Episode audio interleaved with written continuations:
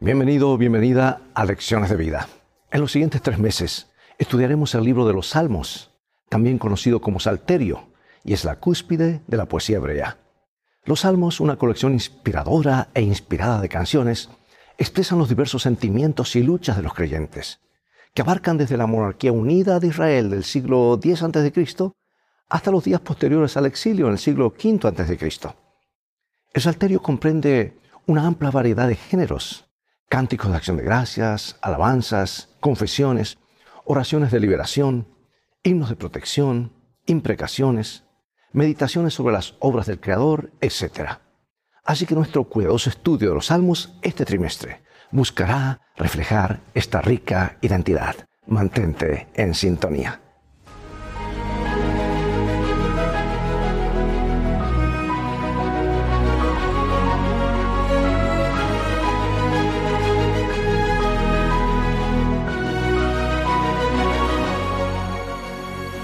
Comenzaremos con estas palabras de Jesús en San Lucas 24.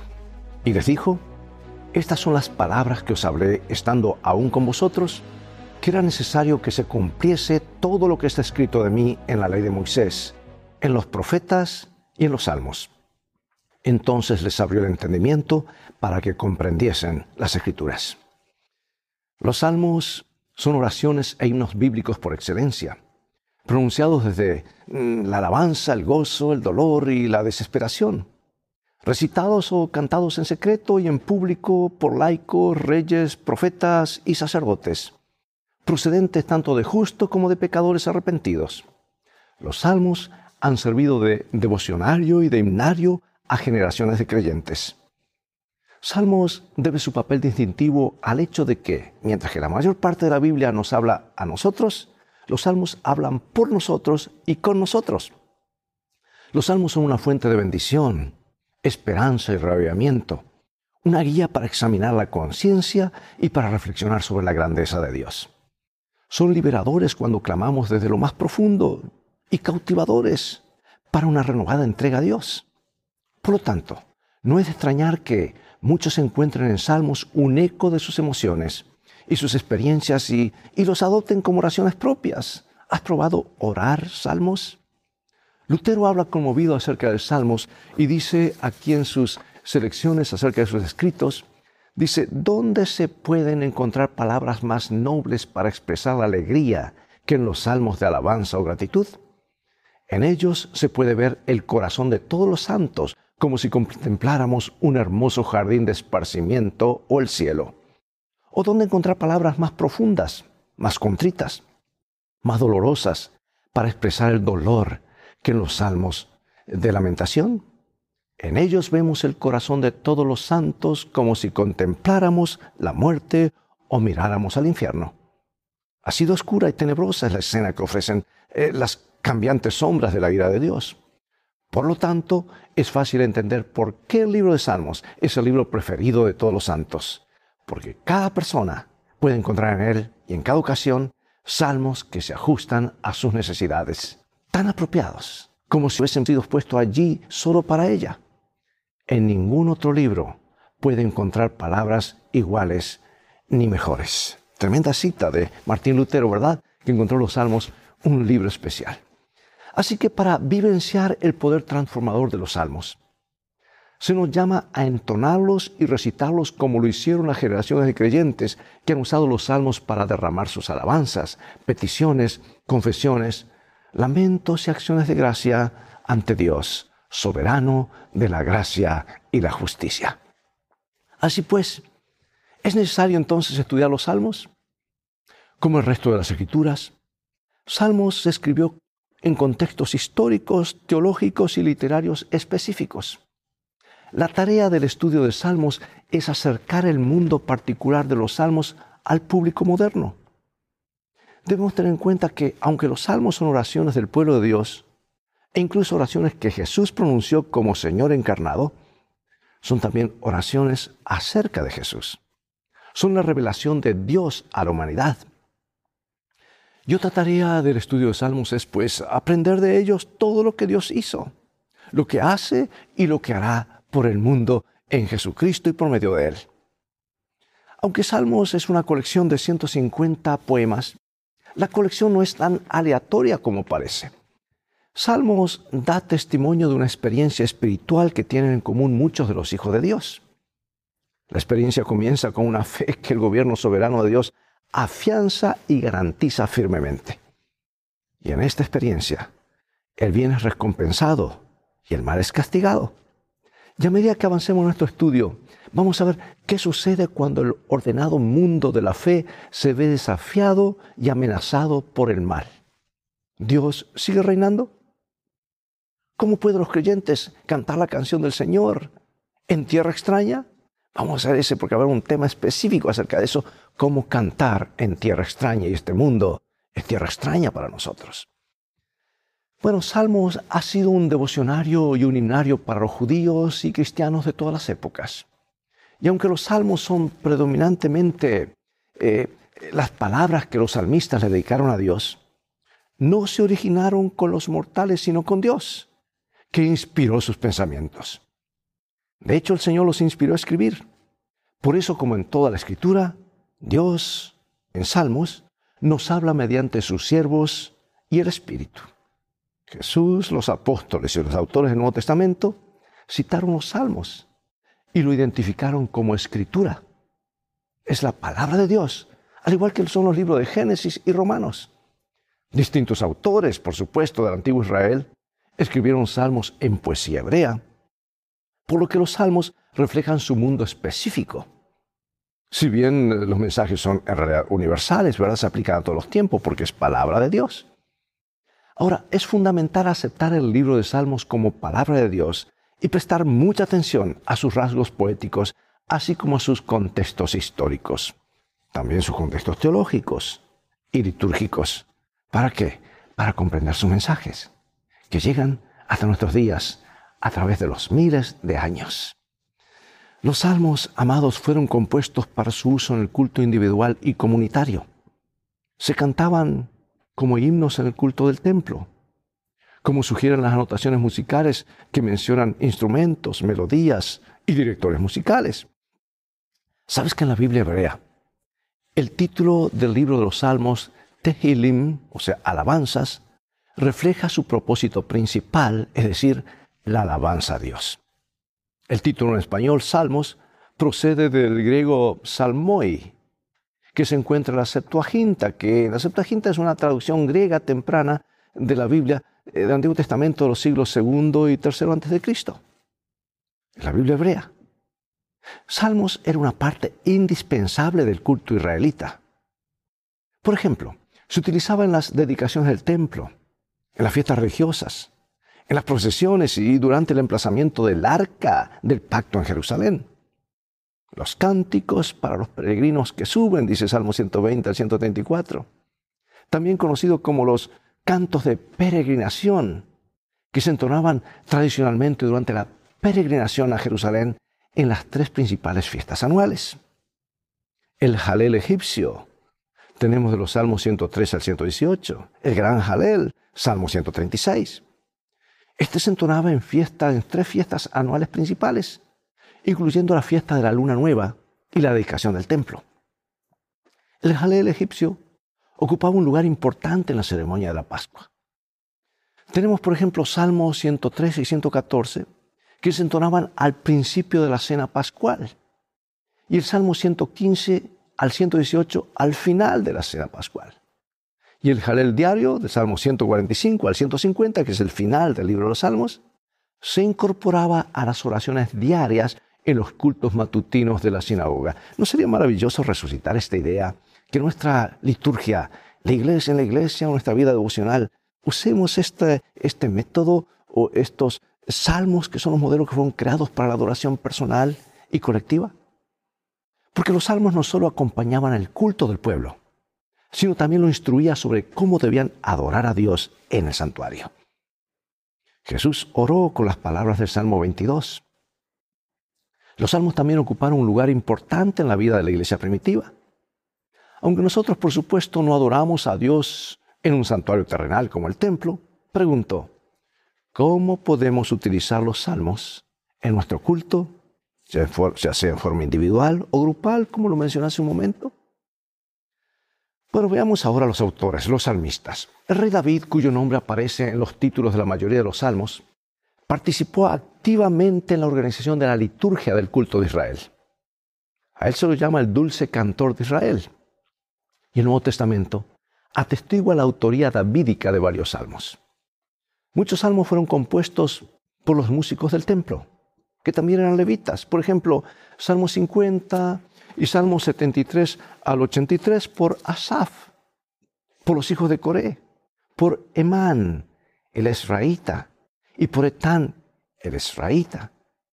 Además de ellos, Salomón y Moisés fueron autores de algunos salmos. Aquí unos hermosos, unos hermosos eh, salmos que revelan la experiencia vivida por sus autores. Por ejemplo, Salmo 25 del 1 al 5, después 42, 1. Muéstrame, oh Jehová, tus caminos, enséñame tus sendas.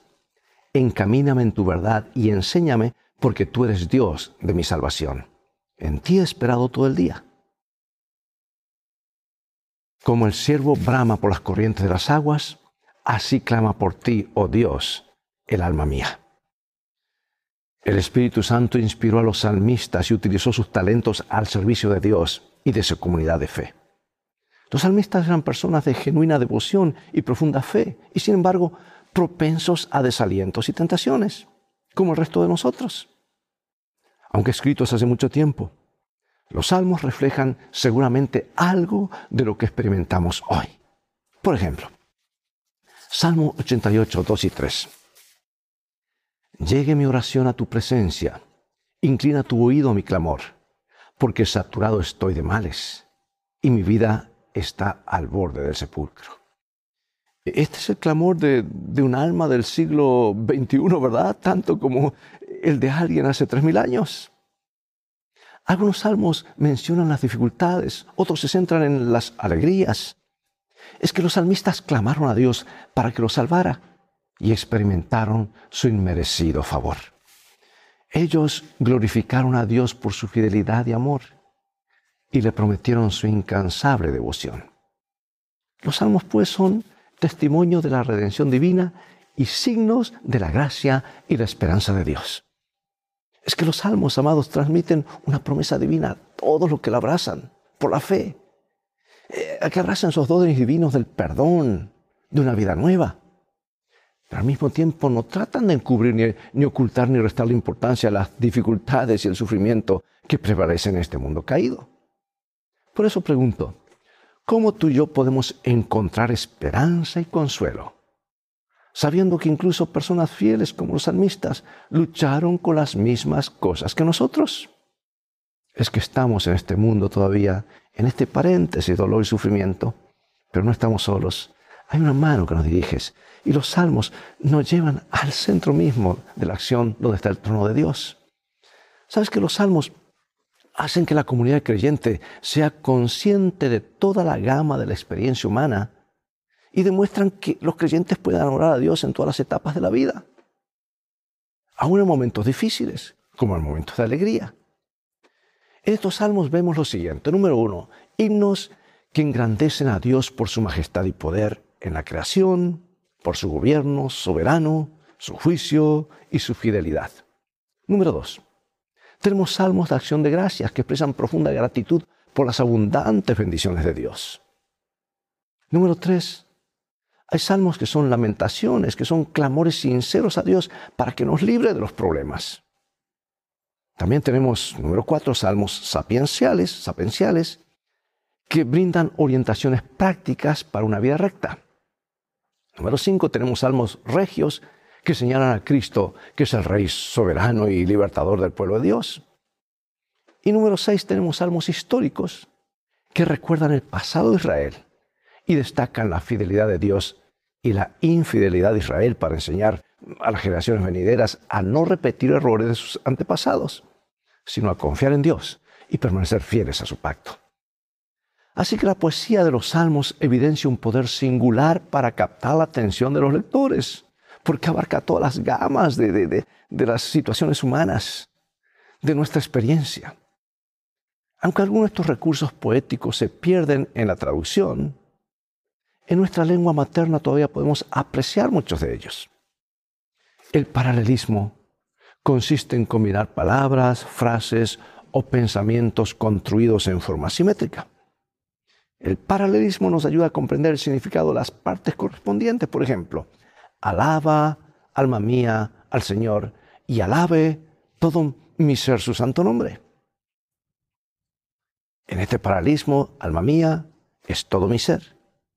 O sea, las imágenes utilizan el lenguaje figurado para apelar con fuerza a los sentidos físicos de los lectores. Por ejemplo, el refugio de Dios se describe como la sombra de sus alas. Él mismo expresa la totalidad mediante un par de partes contrastantes. Por ejemplo, día y noche clamo a ti. En otras palabras, denota esto clamar sin cesar. Veamos, por ejemplo, estos dos versículos que nos enseñan sobre la oración. Vamos al libro segundo de Samuel, capítulo 23 y luego Romanos 8, 26. Estas son las palabras postreras de David. Dijo David, hijo de Isaí, dijo aquel varón que fue levantado en alto, el ungido de Dios de Jacob, el dulce cantor de Israel, el Espíritu de Jehová ha hablado por mí y sus palabras han estado en mi lengua. Y de igual manera, el Espíritu nos ayuda en nuestras debilidades.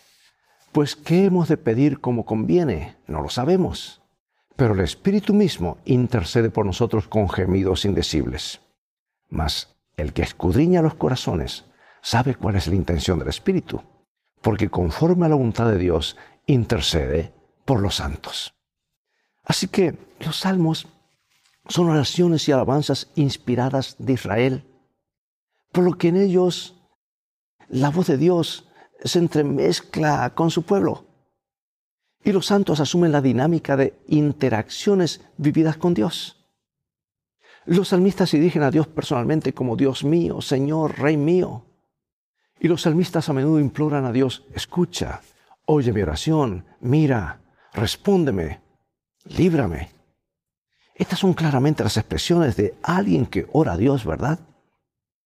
La notable belleza y atractivo de los salmos como oraciones y alabanzas reside en el hecho de que los salmos son la palabra de Dios en forma de oraciones y alabanzas piadosas de los creyentes. Y nunca pasan de moda. ¿Por qué? Porque es nuestro diálogo con Dios. Jesús también citó los salmos como Lucas 20, 42 y 43 nos dice que él señaló directamente aquí a Salmo 110.1. Dice, siéntate a mi diestra hasta que ponga a tus enemigos por estrado de tus pies. Aunque algunos salmos han sugerido de acontecimientos, eh, mejor dicho, han surgido, han surgido de acontecimientos históricos específicos y de las experiencias de los propios salmistas, así como de las experiencias de Israel como nación, la profundidad espiritual de los salmos aborda una variedad de situaciones de la vida que cruza todas las fronteras culturales, religiosas, étnicas, de género y aún cruza las barreras de los siglos. En otras palabras, amados, cuando leas los salmos verás que expresan esperanza, alabanza, pero también miedo, ira, tristeza y dolor, cosas que afronta, afronta la gente en todas partes y en todas las épocas, más allá de las circunstancias. Nos hablan a todos en el lenguaje de nuestras propias experiencias. ¿Qué nos dice el uso de, que Jesús hace de los salmos sobre la importancia que pueden tener para nuestra experiencia la fe? Mucha, ¿verdad? Yo te animo y te desafío a que leas y releas el libro de los salmos y verás cómo tu experiencia allí está descrita cómo tú puedes comunicarte directamente con Dios expresando lo que está en tu corazón. Ahora veamos qué lugar ocupa Dios en la vida del, salmista. Vamos a Salmo 16, versículo 8, después el 44 y después el 46. A Jehová he puesto siempre delante de mí porque está mi diestra, no seré conmovido. En Dios nos gloriaremos todo el tiempo y para siempre alabaremos tu nombre. Dios es nuestro amparo y fortaleza, nuestro pronto auxilio en las tribulaciones. O sea que el mundo de los salmos en realidad se enfoca totalmente en Dios. Trata de presentar delante de Dios en oración y alabanza todas las experiencias de la vida. Dios es el creador soberano, el rey y juez de toda la tierra. Él provee todas las cosas para sus hijos. Por lo tanto, si así es, debemos confiar en Él en todo momento. Incluso los enemigos del pueblo de Dios eh, se preguntan, ¿dónde está tu Dios? Eh, cuando el pueblo de Dios parece fracasar, muchos preguntan, bueno, ¿y qué hace Dios por ti? Así como el Señor es el Dios de su pueblo, omnipresente e infalible, así también el pueblo de Dios tiene a Dios siempre delante de sí. Aunque no puede ver todas las cosas, acepta por fe que Dios sí lo ve y confía en el Señor. O sea que, amados, en definitiva, los salmos vislumbran el momento en que todos los pueblos y toda la creación adorarán a Dios. Porque la centralidad de Dios en la vida produce la centralidad de la adoración. La adoración no es algo que yo invento, es algo que está centrado en Dios. Dios la inventa. El culto en el que existían los salmos era fundamentalmente, fundamentalmente distinto del culto como lo entienden muchos en la actualidad. Hay un antropocentrismo muy marcado actualmente, de dame, dame, te pido. Y la adoración se centra en mí, pero la adoración antes se centraba en Dios, lo que Dios dice. Porque el culto en la cultura bíblica era el centro natural e indiscutible de la vida de toda la comunidad. Y Dios tiene que estar en el centro. Por lo tanto, todo lo que sucedía en la vida del pueblo de Dios, tanto lo bueno como lo malo, se expresaba inevitablemente en el culto.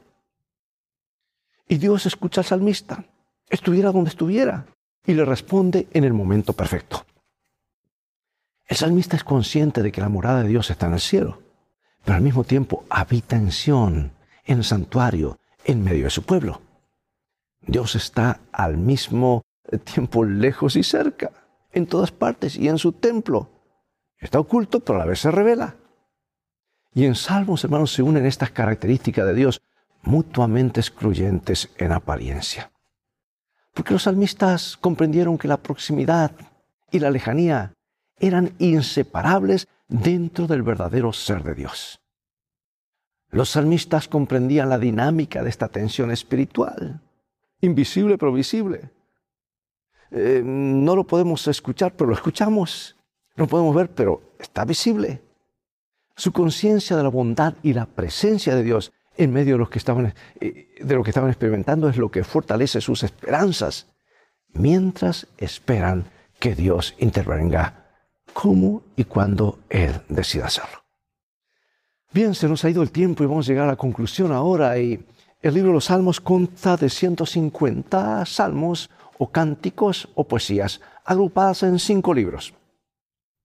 La división en cinco libros del Salterio es una antigua tradición judía paralela a la división en cinco libros del Pentateuco, los primeros libros de la Biblia. Aunque la mayoría de los salmos se asocian con la época del rey David y la monarquía primitiva del siglo X a.C., la colección de salmos siguió creciendo en los siglos posteriores. La monarquía davídica, el exilio y el periodo post-exílico. Y es concebible que los escribas hebreos bajo el liderazgo de Esdra, combinaran las pequeñas colecciones de salmos existentes en un solo libro, libro cuando trabajaron en el establecimiento de los servicios del nuevo templo. El hecho de que los escribas consolidaran el libro de Salmo no les quita su inspiración divina. Los escribas, al igual que los salmistas, eran siervos devotos de Dios y su trabajo estaba dirigido por Dios. Así que la naturaleza divino-humana de Salmos es comparable a la unión de lo divino y lo humano en el Señor Jesucristo encarnado. Leo de mi autora favorita, Reda White, y dice así en el conflicto de los siglos. Pero la Biblia, con sus verdades de origen divino expresadas en el lenguaje de los hombres, muestra una unión de lo divino y lo humano. Tal unión existía en la naturaleza de Cristo, quien era Hijo de Dios e Hijo del hombre. Así se puede decir de la Biblia lo que se dijo de Cristo, a que el verbo fue hecho carne y habitó entre nosotros.